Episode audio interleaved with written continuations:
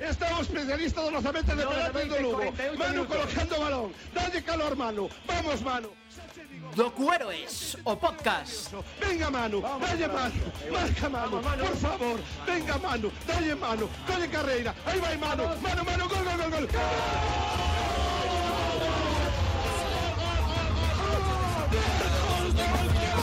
Moi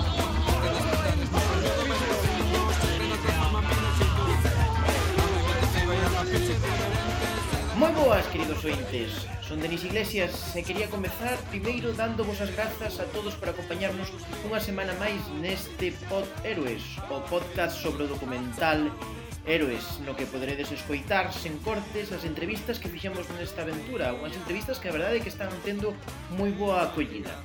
Neste quinto capítulo ides escoitar o entrevistador entrevistado, o noso compañeiro e amigo Pablo Durán, redactor del Progreso.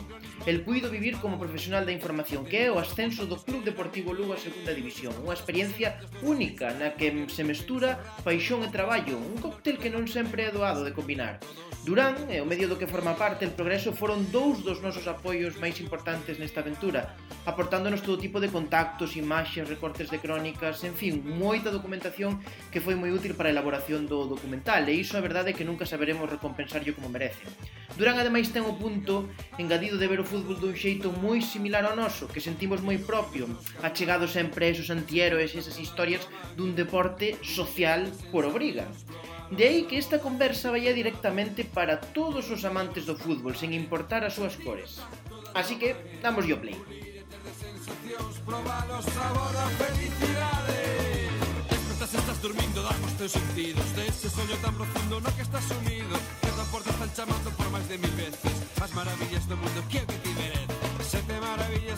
no a terra Se non paga lo comido, noche de San Vela digamos que una complicidad entre los jugadores es muy difícil llegar a conseguir éxitos. Y yo creo que en este caso es un claro ejemplo. Incluso después, en segunda división, eh, siempre los jugadores han recalcado eso, ¿no? de que, eh, que sean una familia y que estén unidos les ha llevado a, también a rendir bien en, en el campo. ¿Y qué valor crees que tuvieron esta experiencia Mauricio y Bouso? Mm, Yo creo que mucha. Eh, yo creo que Bouso lo que dio fue muy, tra- o sea, dio mucha tranquilidad a nivel institucional, en- de- de- sobre todo de, de no ingerir en el, en el- de no inferir, perdón, en el, en el plano deportivo. Y, y eh, a la hora de- del trato con los jugadores, de protegerlos, de ser un poco la figura paterna una vez fichados y luego de las incorporaciones que, que él hacía. Eh, vamos a hablar un poquito ahora del, del ascenso de, de la de Murcia, Alavés y, y, y, y Alcoyano. Ujú. Eh, ¿Cómo recuerdas esa, esa fase de ascenso? Eh, háblanos un poquito de, en general. Ujú. Eh, pues, yo creo que fue muy complicada desde el principio. ¿no? Eh, Una vez que se conoció el primer rival, que era el Murcia, por la entidad que tenía, por el estadio, por la historia, por el nivel del equipo, el nivel de inversión, ya veías que era como un muro muy, muy complicado de, de superar. Se quedó muy cerca el equipo, compitió muy bien eh, en aquella eliminatoria, sobre todo en la vuelta, en la ida, yo creo que le pesó mucho la, el, el- el cartel que tenía el, el rival. Eh, la del Alavés, yo siempre fui como muy positivo. No veía un equipo, veía un equipo que, que sí que tenía nombre, tanto como, como el del Murcia, pero lo veía más factible. Quizás a lo mejor porque no había sido campeón de grupo como el Murcia. Y, y- y el Lugo a lo mejor venía de esa inercia positiva de haber competido en el segundo partido, de haberte que- haberse quedado casi a las puertas incluso de, de haber remontado el 2-0, si no hubiese sido aquel gol mal anulado a Ballesteros. Entonces me parecía que, sí que eran eliminables, ¿no? fue complicado también, pero sí que eran eliminables. Y la del Alcoyano, a mí me pareció a a priori a lo mejor la más sencilla porque era como una lucha de igual a igual. Luego cuando llegabas y veías el campo, que era una caja de cerillas, eh, la gente que era muy peleona y tal, era un equipo además muy veterano, con jugadores de, que, que habían bregado mucho en segunda y en segunda B. Mm, ya ya era, era otra cosa, ¿no? Eh, eh, era, digamos, que, que- que más difícil una vez visto que a lo mejor a priori. y luego fue pues una eliminatoria muy complicada y, el partido de vuelta además el Alcoyano fue quizás para mí el mejor de, de los tres rivales. Compitieron a un nivel tremendo, buenísimo. Me pareció un, equipo muy bien hecho y, sobre todo que sabía muy bien a lo que, a lo que jugaba. ¿Estuviste en el, en el en el partido de, de Alcoyano que se perdió? Sí. Mm, ¿Qué recuerdas de ese partido? ¿Con el postpartido, con la gente en el campo, los cánticos, todo eso?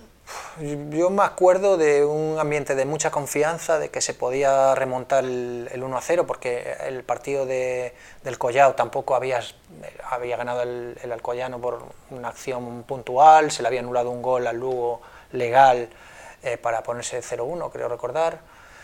Y, yo creo que había esa sensación de que se podía conseguir.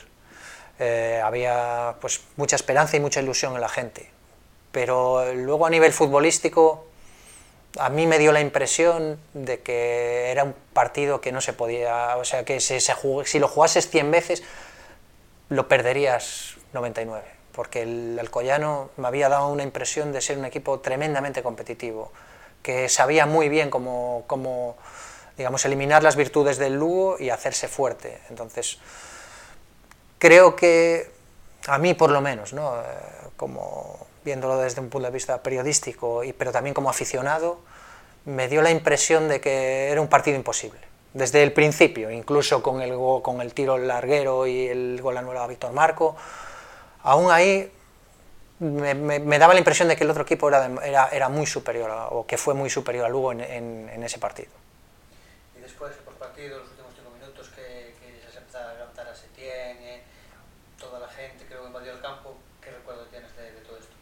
Pues eso muy emocionante, porque es, eh, ahí dio un ejemplo de madurez la afición del Lugo, porque en un momento tan duro, porque se puede decir que era duro, ¿no? porque tú te veías en esa situación y no sabes, a lo mejor siendo un equipo el, Lugo humilde y pequeño que, que solo había jugado una vez en su historia en segunda división, no sabes cuándo te vas a volver a pasar, cuándo vas a poder volver a estar en esa misma situación. En ese momento a lo mejor de sentimiento, de pensar que era una oportunidad perdida, tener los arrestos de reconocerle a los jugadores la valía de haber, primero, haber ganado el título en Segunda B, que es un mérito enorme, y luego haber llegado hasta ahí y haber competido hasta el final, eso para mí fue un ejercicio de, madurez tremenda y que yo creo que además fue también bien visto por el resto del fútbol en España. Yo creo que eso también, yo estoy seguro de que a, a Quique y a Juan Peón, pero, pero a Quique, que era un tío pues, que ha jugado un mundial, que jugó un mundial, que, que jugó en el Atleti de Madrid, fue internacional. Estoy seguro de que le llegó al, al, corazón y que a lo mejor fue un ejemplo para que se quedara tantos años en, en Lugo. Precisamente nos dijo Juan Peón, que estuvimos hablando el otro día con él, que, que ese partido, el del, el de, el el Carro contra el Collano, fue como el germen, fue el inicio de, del ascenso posterior del Club Deportivo Lugo a, a, su división. Sí, tiene, sentido, a lo mejor por eso, ¿no? por esa carga de, de, comunión con, con, la grada y, de saber que si se había llegado hasta allí, ¿por qué no se iba a poder repetir? ¿no? Ese convencimiento de decir, pues el Lugo a lo mejor no tiene tanto nombre como el Murcia o como el Alavés o como el Eibar o como otros equipos que estaban también en Segunda B, pero a lo mejor sí tiene una afición detrás que le va a apoyar, sí tiene un proyecto eh, coherente que, le, que, que iba a apoyar también tenía un estilo, tenía un montón de cosas que, digamos, eclosionaron o empezaron a eclosionar ese, esa temporada, pero que también tenía continuidad. es posible que estoy de acuerdo también con, con Peón en este caso, que, sí que podía ser ese germen. Yo a lo mejor pensaría más en la temporada al completo. Eh, tú que eres futbolero, ¿qué piensas sobre el estilo de, juego de Setién, que es ese, ese estilo in, innegociable? Eh, ¿qué influencia tuvo en el, en el, resultado? Mm, yo creo que darle al, al, al jugador el, digamos, el convencimiento de, de, una línea a seguir, ¿no? un patrón a seguir y, y, y, que no diese tumbos. ¿no? Es decir, nosotros vamos a jugar así, esto nos ha funcionado porque hemos sido campeones del grupo primero de segunda B, que nos hemos quedado a un gol de ganarle o de igualar una eliminatoria con el Murcia, que luego hemos llegado, hemos eliminado al Alavés y ya había funcionado también bastante tiempo en la temporada anterior. Es decir, además de ser un fútbol, digamos, eh, desde el punto de vista mm, de espectáculo, válido y, y óptimo, también lo era de los resultados y es que el entrenador sea el primero, el primer convencido, yo creo que a los jugadores también les ayuda a mejorar y a decir, si este señor lo defiende a capa y espada y vemos que funciona, pues nosotros también tenemos que ir a muerte con esa idea. Eh, luego me parece también una medida muy inteligente del club el mantener ese estilo. Yo creo que los clubes deben tener también como un ADN, un germen, un algo que los, que los identifique. O sea, además de la masa social, de camiseta, del digamos que todo lo que compone, ¿no? el, elementos de background de, la historia, también tiene que tener un, estilo. ¿no? El, ejemplo claro es el Barcelona, pero lo, es eh, el, Arsenal de los últimos años, lo es el Madrid con ese estilo de garra de no ceder, lo es, pues, por ejemplo, el Celta desde Víctor Fernández y recuperado luego con Paco Herrera o Luis Enrique. Yo creo que el, Lugo ha hecho muy bien en mantener ese estilo que lo ha acercado a la grada, que le ha traído gente, que lo ha hecho referencia en el fútbol gallego, también en, determinados momentos en el fútbol español. es decir, si algo funciona y algo te coloca ahí, en, digamos, en el disparadero, me parece que lo que tienes que hacer es conservarlo. Eh, de hecho, de que sí que decían que se tiene súper tozudo con, con, eso, que se tenía tan creído, que, que, se, que, su estilo era tan era el, el, bueno, la, la, la, palabra, la fe, que, que por eso transmitía también esos, esos conocimientos. Eh, vamos a entonces un poquito de los playoffs ya del, uh -huh. del ascenso. Eh, ¿Qué ambiente y sensaciones recuerdas antes de empezar la eliminatoria una vez que, son, que acaba la, la, la liga regular y que, y, que, y que, nos tenemos que enfrentar otra vez a, a, a una eliminatoria, esta vez completa? Eh, eso, ¿qué ambiente y sensaciones que, que teníais, que, que pensabas tú y, y, y qué pensaste cuando conociste a los rivales? Pues yo creo que una especie de ambiente de, expectación, un poquito, a, a, ver cómo el equipo eh, ha digerido el sinsabor del año pasado y cómo rinde ahora, eso como tú dices, eh, empezando desde cero, entre comillas, desde cero, desde el principio, ¿no? Eh, porque no es lo mismo la eliminatoria de campeones, que tú si sabes que si la pasas subes, que luego tienes otra oportunidad, esto es, tienes que jugar seis partidos a muerte, y, y, a la mínima, al mínimo error que cometas en un partido te puedes ir a la calle. Entonces, yo creo que había cierta expectación de cómo se va a enfrentar el equipo y si va a ser capaz de, de rendir al 100% en cada uno de esos seis partidos.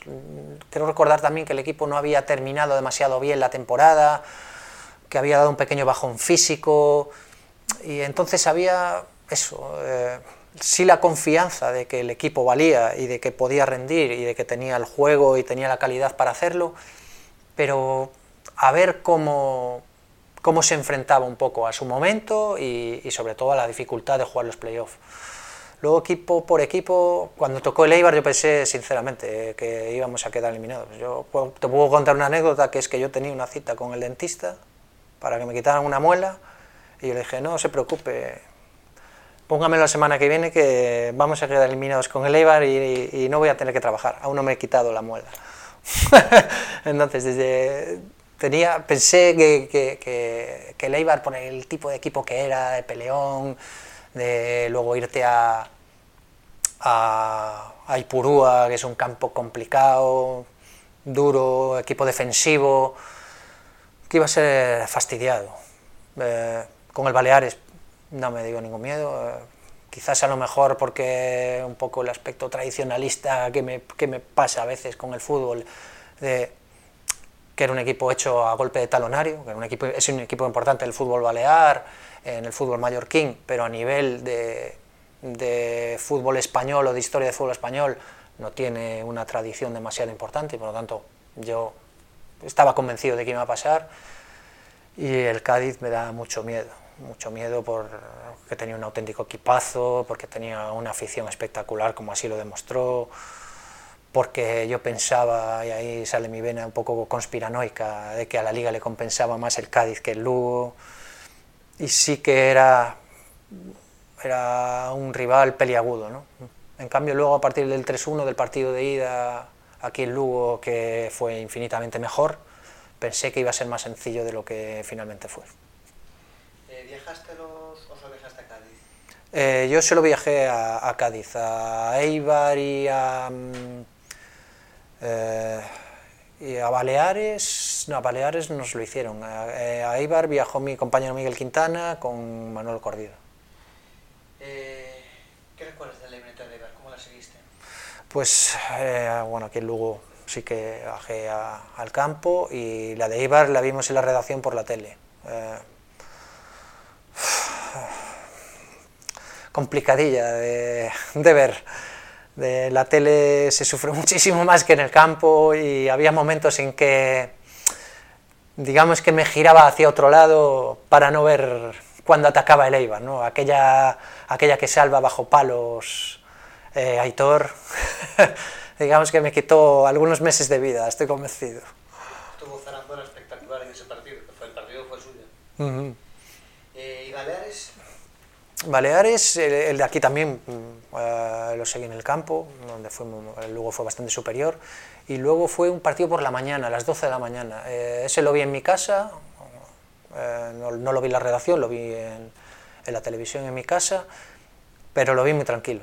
Eh, el Lugo compitió también y dio un aspecto de tener tan controlado el partido desde el principio que en ningún momento temí por porque el, el Baleares le pudiera dar la vuelta a la, a la eliminatoria. Me pareció que dominó perfectamente el partido eh, desde el minuto uno, incluso luego con la lesión aquella fastidiada de Diego Rivas, que estaba haciendo un final de temporada buenísimo. Pero fue, digamos que una eliminatoria para mí, yo creo que tranquila. Y luego eh, toca, el- se pasa a la siguiente ya, a la final. Eh, viene el Cádiz aquí, en, un- en una tarde que cayó de agua, el aguacero increíble, increíble aquel. Eh, esto entiendo que estabas en el, Sí. Eh, ¿Cómo viviste aquel partido? Pues eh, la verdad que con bastante emoción, porque mm, creía que, que- que iba a ser el partido clave de, de la, de, la, de la eliminatoria por el ascenso. Creo que si se conseguía un resultado óptimo, sobre todo si nos encajaba, habría bastantes posibilidades, ¿no? aún con el potencial que tenía el Cádiz. Eh, cuando vi que, que llovía cántaros, quiero recordar que por la mañana más que por la tarde, eh, pensé que nos beneficiaba, aunque sea una tontería y un tópico de ellos son andaluces y nosotros gallegos, estamos más acostumbrados, que igual es una chorrada como un mundo, pero, pero pensé que nos beneficiaba y yo creo que en parte también a lo mejor hubo algo así. Cuando hablabas con los jugadores o cuando hablas pasado el tiempo, los jugadores te decían que no, que les perjudicó la lluvia porque les perjudicó a la hora de, sobre todo, de jugar, de, de hacer ese fútbol que quería, que quería Quique. Pero fue un partido rodado también, salió todo bien, incluso las decisiones arbitrales nos favorecieron un poco, que, que podías pensar que a lo mejor fuesen más hacia el Cádiz. Y sí que fastidió un poquito el gol final, eh, el gol que metió el Cádiz en, creo que fue en el minuto 81 o por ahí. Sí que ahí te dio el- un poquito la sensación de decir, lo teníamos hecho y le hemos abierto media puerta.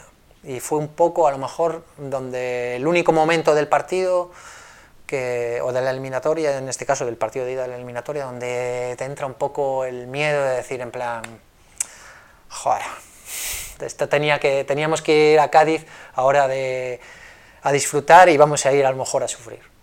Dijo Pita Tara, dijo, yo estaba fuera de juego, yo es que Eh, nos vamos a Carranza. Eh, ¿Cómo te enteras de, en la redacción? ¿Te dicen que te sea Carranza o te ofreces tu voluntario? ¿Qué pensaste en ese momento? Eh, pues a mí me lo dice, creo que, es Manuel- creo que me lo dijo Manuel Freire, que es el, el jefe de redacción. me dijo que íbamos a ir Ponte y yo. mm, la verdad es que con cierta responsabilidad, porque bueno, era la primera vez que iba a un evento así a nivel periodístico, como aficionado, no, pero a nivel sobre todo profesional sí, y que además teníamos que hacer como un minuto a minuto del viaje de los jugadores, de afición, eh, un poco de todo, de, contar una crónica amplia de, un poco de todo el desplazamiento de Lugo. Entonces, la ilusión que te da de poder vivir de primera mano, casi incluso más como aficionado, de decir en plan, joder, voy a vivir a lo mejor algo histórico, casi a, la par que, que, a nivel profesional, pero también a nivel profesional por, pues, oye, por, por ver una cosa que para Lugo, para una ciudad como Lugo y para un club como Lugo es algo muy muy importante, ¿no? A lo mejor pues como para otras ciudades o equipos de más enjundia, pues jugar en Europa o jugar una final, ¿no? Para luego la final, su final, su título fue subir a segunda división. Entonces, oye, es algo que te impone profesionalmente y luego pues también eso, la, ilusión de como aficionado al fútbol de decir, pues es una cosa chula que, que, voy a vivir con los aficionados, con los jugadores y, verlo de, de primera mano.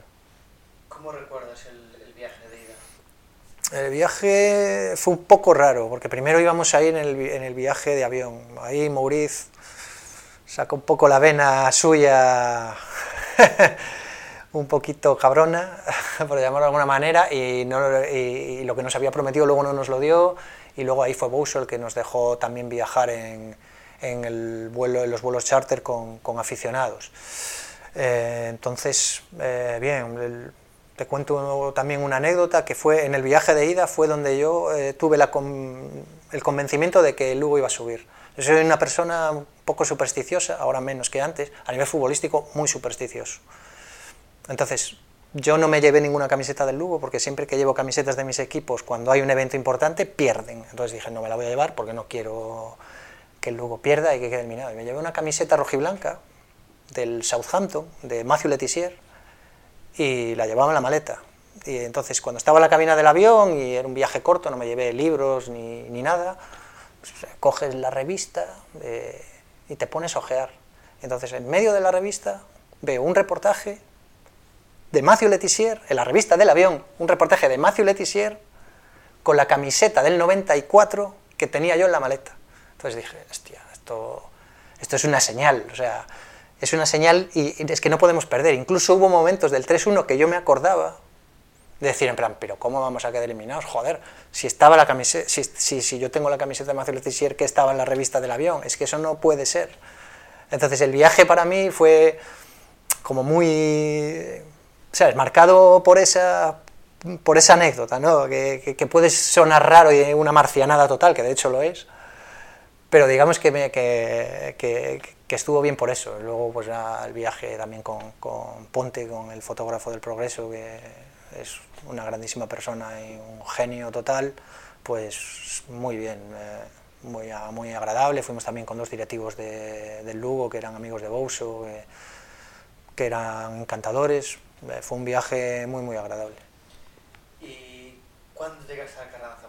No sé, ¿cómo, un rato antes? ¿Cómo fue la entrada? ¿Ya había gente? Eh, ponía todo, todo, todo, todo aquel, aquel público?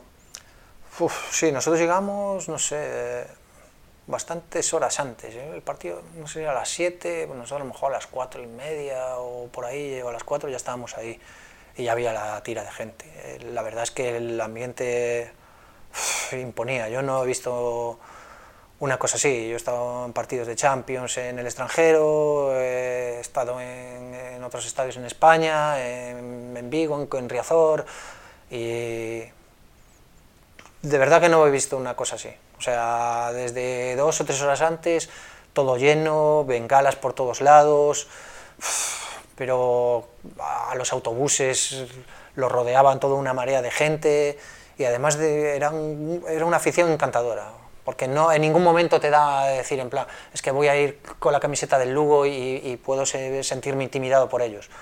Todo lo contrario, se dedicaban a animar a lo suyo, si te veían, pues se metían contigo, pero de muy buen rollo, de, muy amigable, pero sí que crearon un ambiente absolutamente espectacular, espectacular por el colorido, por los ánimos, por la fuerza, por por, por apoyar a, a, su equipo, por cantar, por pasárselo bien desde el minuto uno, veías a la gente pues tomando sus copas, sus cervezas, eh, que quedaban con gente del Lugo, eh, la verdad que era espectacular, era espectacular. Eh, yo creo que también eso a los jugadores del Cádiz fue lo que les hizo salir como salieron. ¿Qué es lo que tienes que hacer? estabas narrando, tenías que escribir crónica, tenías que ir eh, contando a través de alguna red social o de internet de algún modo eh, el partido. El partido no, lo que fuimos era eso, lo que comentaba antes, de, de ir minuto a, un poco minuto a minuto de toda la expedición, del Lugo y de aficionados, luego la, la crónica la hicieron desde, desde Lugo, y luego yo lo que hacía era una crónica un poco de ambiente, del partido, y luego sobre todo declaraciones, el final, eh, para el especial que se hizo al día siguiente también, pues un poco eh, lo que vivimos de, de, primera mano, ayudar también a Ponte con el tema de fotos y, y, y de llevar los cacharros que, llevan todos los fotógrafos, que pesan huevo y llevan un montón de ellos. Un poco, eh, un poco sobre todo cosas de ambiente, ¿no? temas de, de, hacer reportajes de, cómo lo vivió la, afición e incluso de también un poquito de cómo lo vive un periodista en un estadio ajeno o con un evento así. Eh, y lo que dices, empieza el partido, el Cádiz sale como un avión, eh, se adelantan y la remontada parecía posible. Sí, la verdad es que sí.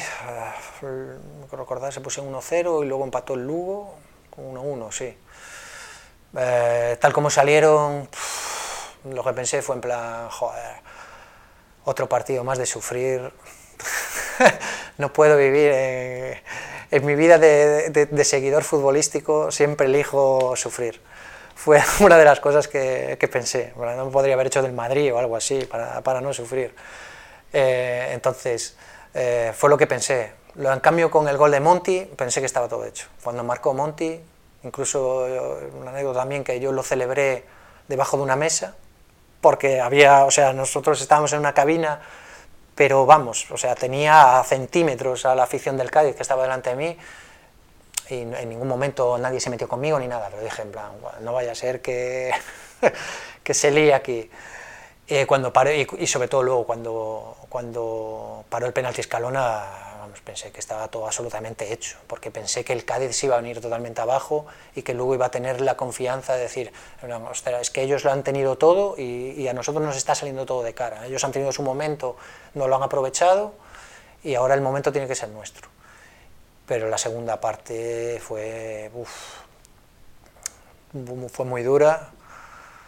Con el 3-1 pensé que aquello iba a acabar 5-6-1, sinceramente pensé que luego estaba como un flan, que ellos estaban como locos y me llamó mucho la atención el bajón que pegaron, el bajón que pegaron en el partido. Luego la prórroga la vi en la grada. Primero bajé y estuve en una de las gradas laterales y cuando vi fallar a Verodia también pensé que estaba todo que era la maldición, que, que sabía que vamos, que no que que no se iba a pasar. Además fue como estas jugadas, como me pasó con el, con el gol que marca Iniesta en la final del Mundial, que lo ves como a cámara lenta y dices en plan, ostras, que lo va a marcar y que estamos en segunda.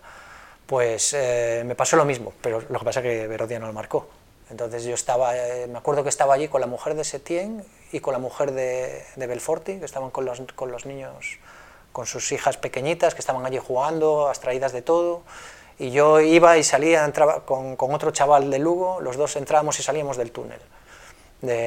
Quiero ver, quiero no ver, quiero ver, quiero no ver.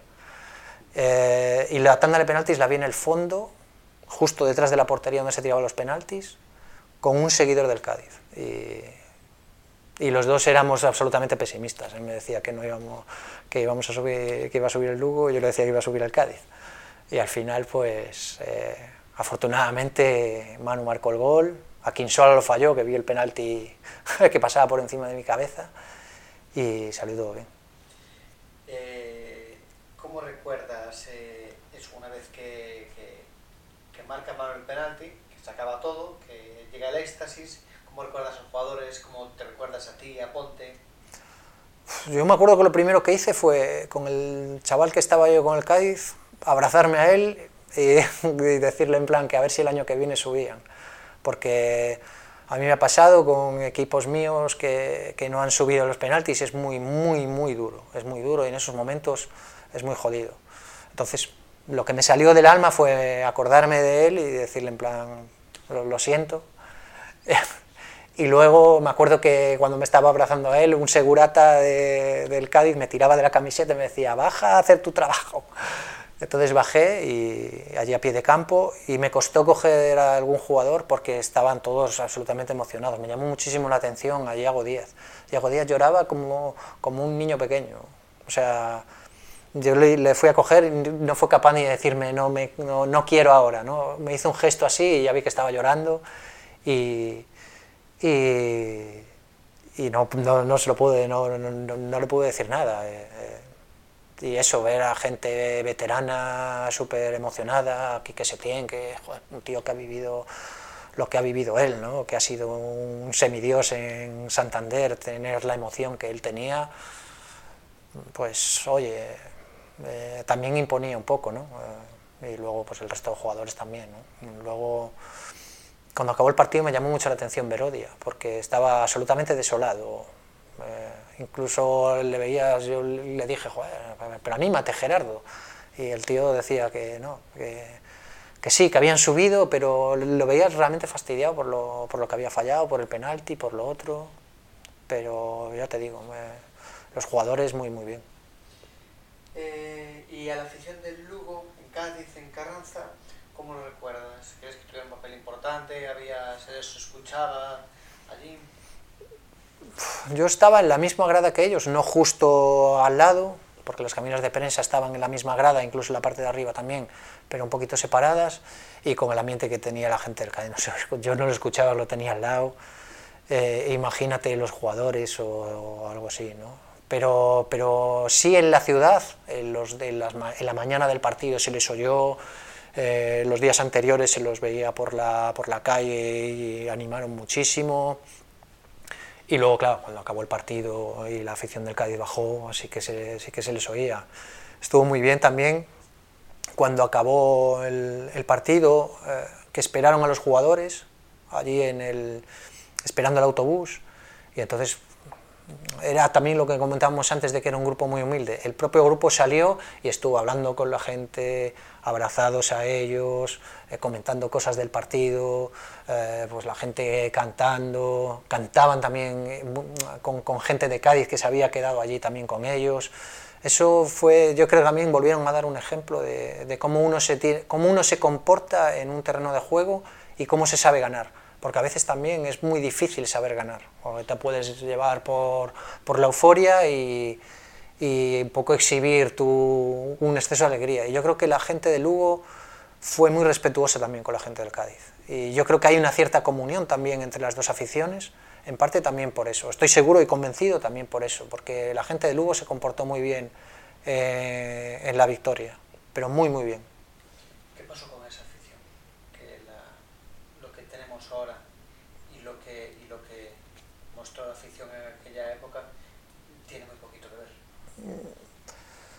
Es, que es complicado. Yo creo que también es un trabajo uh, un poco a, largo plazo. Um, yo creo que se ha estancado a lo mejor un poquito en esos 4.000, 4.500, uh, porque también la gente, no sé, igual está muy acostumbrada a que tienes que tener éxitos para ser de un equipo, eh, cuando yo creo que en el fútbol o en el fútbol entendido como un deporte y como algo vinculado eh, sentimentalmente una persona, un colectivo, una ciudad, no debería ser así. ¿no? Eh, no sé si tiene algo que ver con eso, no sé si tiene algo que ver, a lo mejor ahí muy probablemente gente que, sea de aquí y, que haya bajado desde niño al Ángel Carro pueda hablar pues mejor que yo sobre, sobre el tema, ¿no? de que a lo mejor no tenga tanto calado el, el, Lugo o el fútbol en, en, la ciudad. ¿no? Para alguien a lo mejor como yo, que,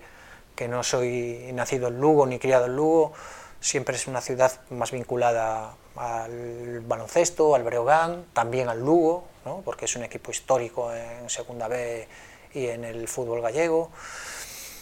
Y a lo mejor tiene que ver un poquito ese crecimiento paso a paso. ¿no? Eh, también la gente, también es verdad que la gente que baja al campo es una gente que anima y, que apoya también al equipo. Eh, quizás le, conviene muchas veces que el árbitro se porte mal porque son muy, muy, muy luchadores ¿no? con, cuando hay una mala actuación arbitral o el equipo rival es pues más, em, digamos, menos deportivo, ¿no? como ha sucedido pues, con determinados entrenadores y determinados equipos, pero es una afición que tampoco da, da la espalda al equipo. Puede ser crítica en un momento dado, puede ser muy exigente en un momento dado, pero yo creo que cuando se le pide eh, también responde. Yo estoy convencido de que si el equipo se consolida en segunda división, poco a poco se va a ir creciendo y, va a ir aumentando la masa social. Eh, ahora ves a niños eh, que llevan la camiseta del Lugo. Yo cuando llegué aquí hace 9, 10 años no veía a nadie con la camiseta del Lugo y ahora sí. Eh, pues los primos de, de, mi, de mi hija van con la camiseta del Lugo y no les gusta el fútbol.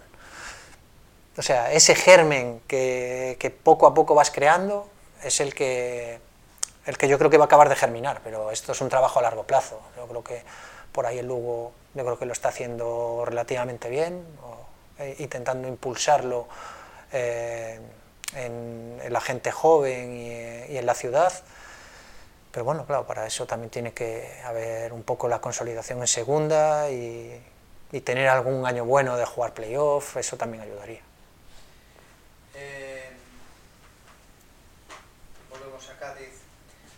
noche de celebración, eh, ¿recuerdas alguna anécdota? ¿Saliste tú también?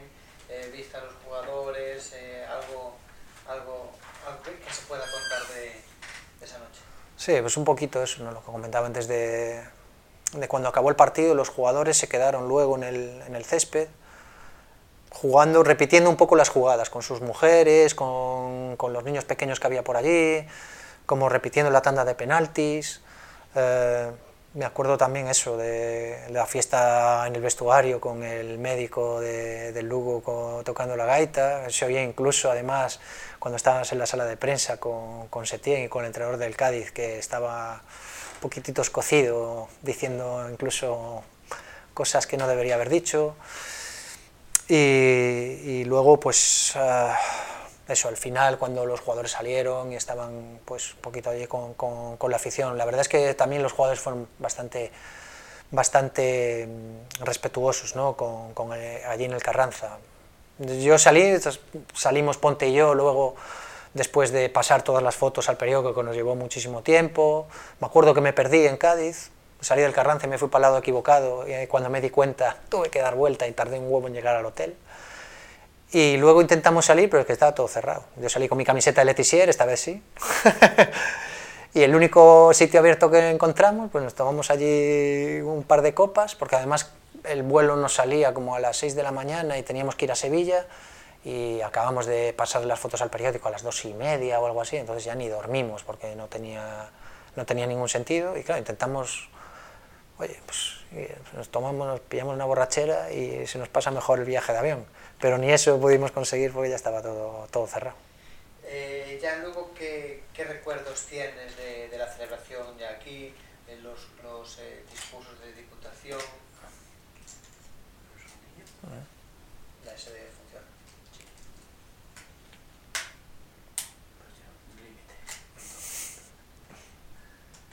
¿Cuántos maneras? 256.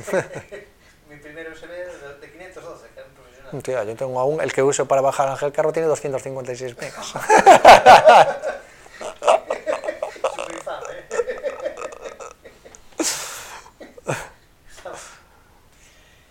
Eso, ¿qué recuerdos tienes eh, de, de, de la celebración en Lugo? Los, eh, en la Diputación, en el Ayuntamiento, ¿dónde estabas tú? Después en, con el bus, alrededor de la muralla. Sí, yo fui, primero fui a, la redacción sin dormir, o sea, llegamos por la mañana y dormí una hora y fui a la redacción porque teníamos un especial, millones de páginas, no me acuerdo de cuántas. Y, fui directamente a la, a, la Diputación y a la Plaza de España. Eh, y era una, muchísima gente, muchísima gente, algo que, que yo aquí nunca había visto. Eh, y, y también era algo normal, ¿no? porque era algo que se les había conseguido en el 92, pero era 20 años después, con el boom del fútbol, y, la verdad que, que, la gente también estuvo muy bien, los jugadores estuvieron también muy bien, pero bueno, ya fue algo más esperado, ¿no? Más, eh, digamos, eh, más normal, ¿no? Eh, todo, toda aquella celebración. Me perdí lo de la vuelta a la muralla, que yo creo que debió ser lo más espectacular, porque ya te digo que, que estábamos a mil en la redacción y lo otro, pues muy bien, ¿no? con los cánticos de, de, la, de los siareiros en, en, la Plaza de España, estuvo muy bien. Eh, ¿En Aguas Ferras estuviste cuando llegaron? No, no, no, no, ahí no, eh, estaba... Eh, yo creo que nosotros volamos, yo creo que el Lugo llegó antes que nosotros, nosotros llegamos, pero nos desviaron a Santiago, y luego ya tuvimos que venir en el autobús de otros aficionados y, y, luego ya me fui a casa porque no había dormido nada y, y por lo menos para comer, para desayunar algo y, y intentar dormir.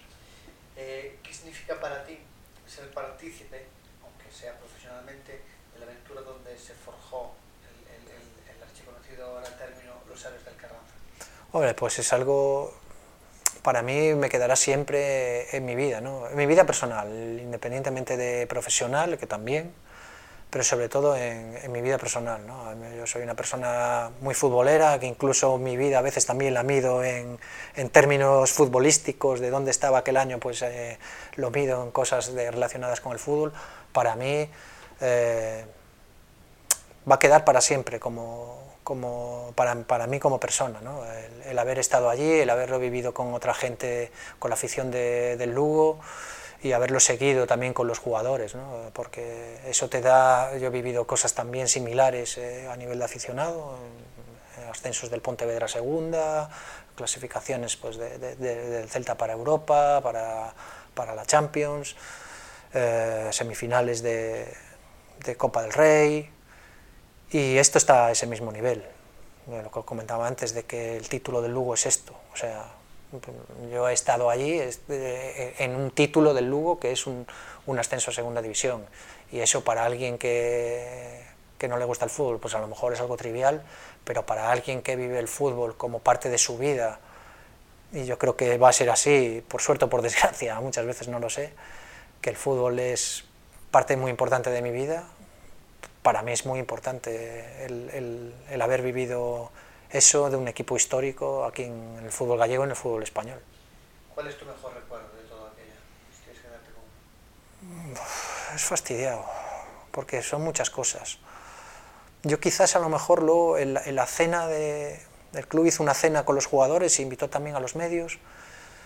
Creo que me quedaría con eso, con lo que hablamos allí con los jugadores y, y un poco con las conversaciones que tuvimos con ellos y, también el haberles agradecido en persona todo lo que hicieron, ¿no? eh, su trato como persona, el haber podido ser franco también de lo que opinaba yo como, de ellos como, como jugadores, ¿no? como profesionales, el haberles, haberles podido decir, no tanto como periodista, sino como aficionado, tanto eh, que ha vivido eso como también viéndolo desde fuera, ¿no? porque había determinados jugadores cuando yo no trabajaba aquí que también los veía y, los valoraba, ¿no? y, lo valoraban amigos míos y hablábamos mucho también de, de, de, del Lugo y, ellos me contaban. ¿no? Y, fue una sensación muy bonita el, el poder haberle, el, haberle transmitido eso, mío como persona y de otra gente que eso que, que, que, con la que yo tengo trato, que me hablaban de ellos y, y,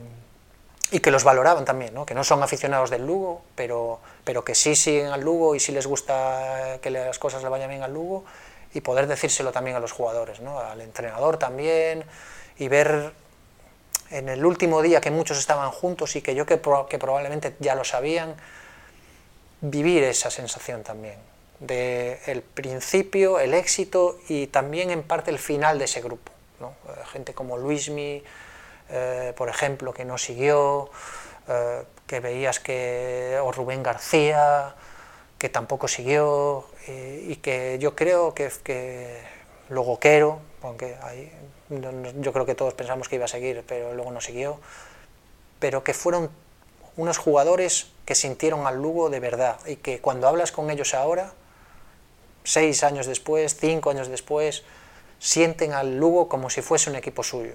Uno puede ser de Ourense, otro puede ser de Avilés, y otro puede ser de la Conchinchina, eh, de Buenos Aires y sienten al Lugo y lo siguen y se alegran y, y, les ves que tienen mucho aprecio por esto. Y haberlo vivido ese principio, ese final con ellos, en aquella cena, yo creo que es el recuerdo que a lo mejor más emotivo de todos. ¿Reforzó tu sentimiento con el equipo vivir aquel episodio? Mm, sí, eh, indudablemente, indudablemente. Cuando tú vives algo tan cercano y tan extremo como es un ascenso y como había sido aquí, como fue ese ascenso, eh, es, inevitable que te, que te acerque a, al equipo, ¿no? aunque sea un poco equipo de, en mi caso, de adopción. ¿no? Eh, es, es, inevitable porque, porque es una emoción enorme. ¿no? Eh, ya te digo, para mí va a quedar siempre como muy una experiencia muy a nivel personal ¿no? y eso te acerca luego también al equipo. ¿no? ¿Cuál es la imagen que mejor refleja cómo fue aquella eliminatoria de aquellos playoffs? Mm. Yo creo que hay una foto muy buena que, sacó Ponte y otros, y otros medios, que era la imagen de Quique que creo que tenía a, a Belforti y a Quero al lado como desencajados, y llorando y, los tres agarrados y refleja un poco el sufrimiento de llegar hasta ahí, la emoción y, el trabajo también, todo lo que, todo lo que tenía detrás y también el saber que habían hecho historia. Yo me quedo con esa imagen y, uf, y luego la de la grada también, claro en, Cádiz, ¿no? de, de, toda esa gente disfrutando allá arriba, ¿no? indudablemente.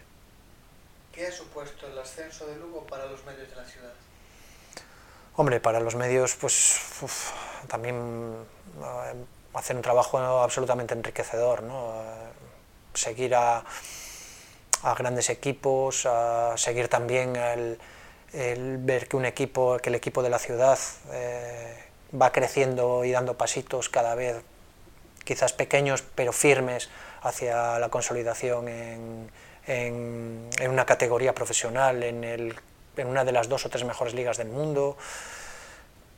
Ser testigo directo de eso es, profesionalmente es muy enriquecedor. ¿no? Eh, para los medios a nivel de empresa pues te da también muchísimo más cartel, mucho más digamos que importancia a lo mejor a nivel mediático, supongo, no lo sé, esto igual sería para, para alguien que tenga un cargo más importante que, que yo en, en, el progreso, ¿no? pero a mí como redactor y redactor con Miguel Quintana, que los dos seguimos en Lugo, pues profesionalmente es eh, muy, muy bueno. ¿no? Yo he visto a jugadores que ahora están, he visto a Denis Suárez, he visto a Rafinha, he visto a Morata, he visto a José, eh, hemos visto al Villarreal de Marcelino, es decir, gente que está en la élite ahora, por la que pagan absolutas millonadas, pues ha jugado aquí en el Ángel Carro y tú lo has entrevistado eh, con la grabadora en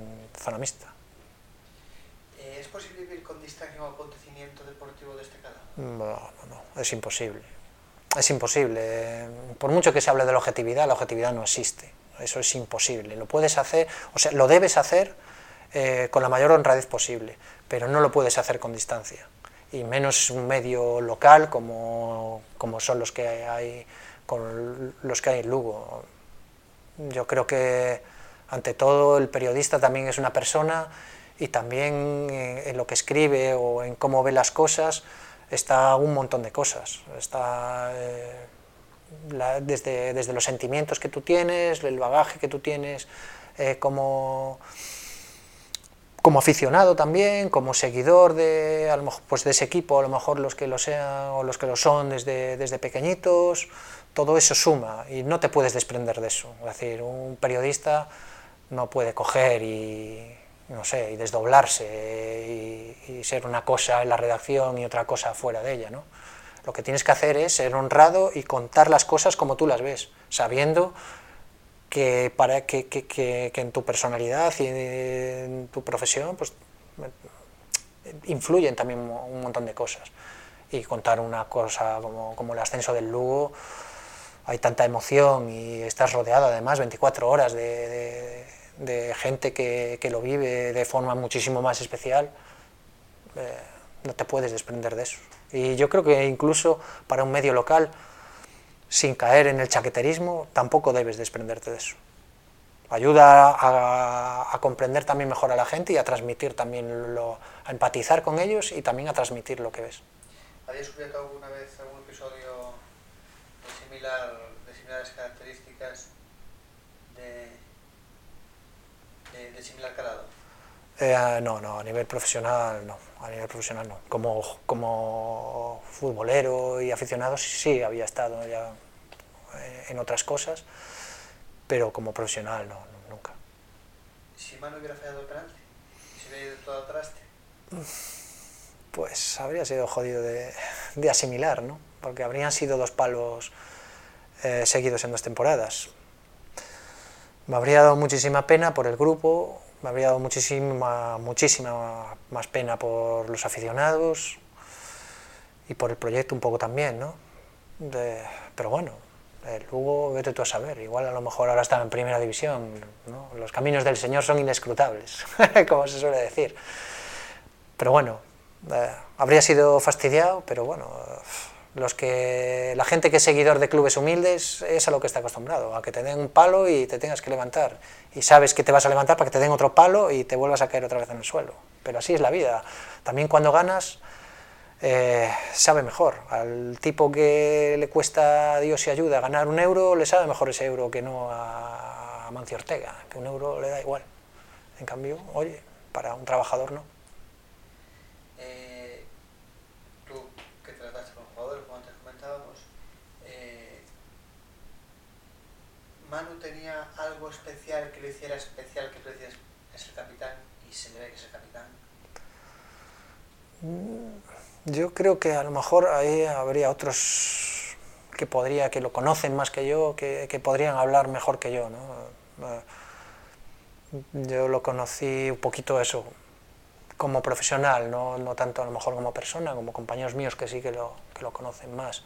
Viéndolo desde fuera, eh, yo creo que sí es que era un capitán ideal, en el sentido de que es una persona muy seria, muy profesional, pero también yo estoy convencido de que era muy cariñoso y que el Manu que a lo mejor podías ver fuera, ¿no? que era una persona a lo mejor más seria, más introvertida, yo estoy convencido de que en el vestuario no era así, que era un tío mucho más bromista y, que tenía sobre todo un, un, ascendiente sobre el grupo, porque era una mezcla un poco de, de todo. ¿no?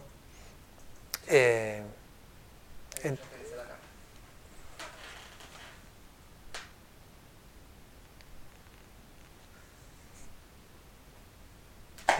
Sí. Eh, pues eso, ¿no?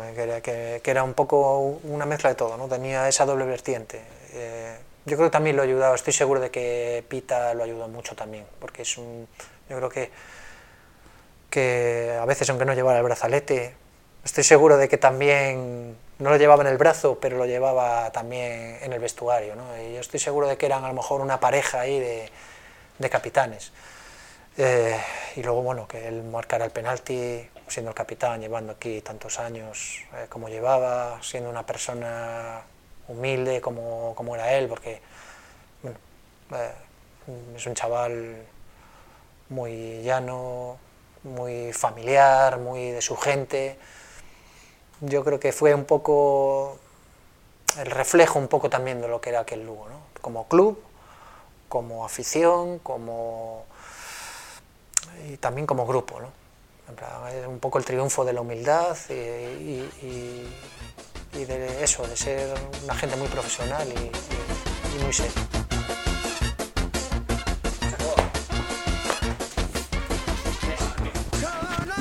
Vaya rollos que en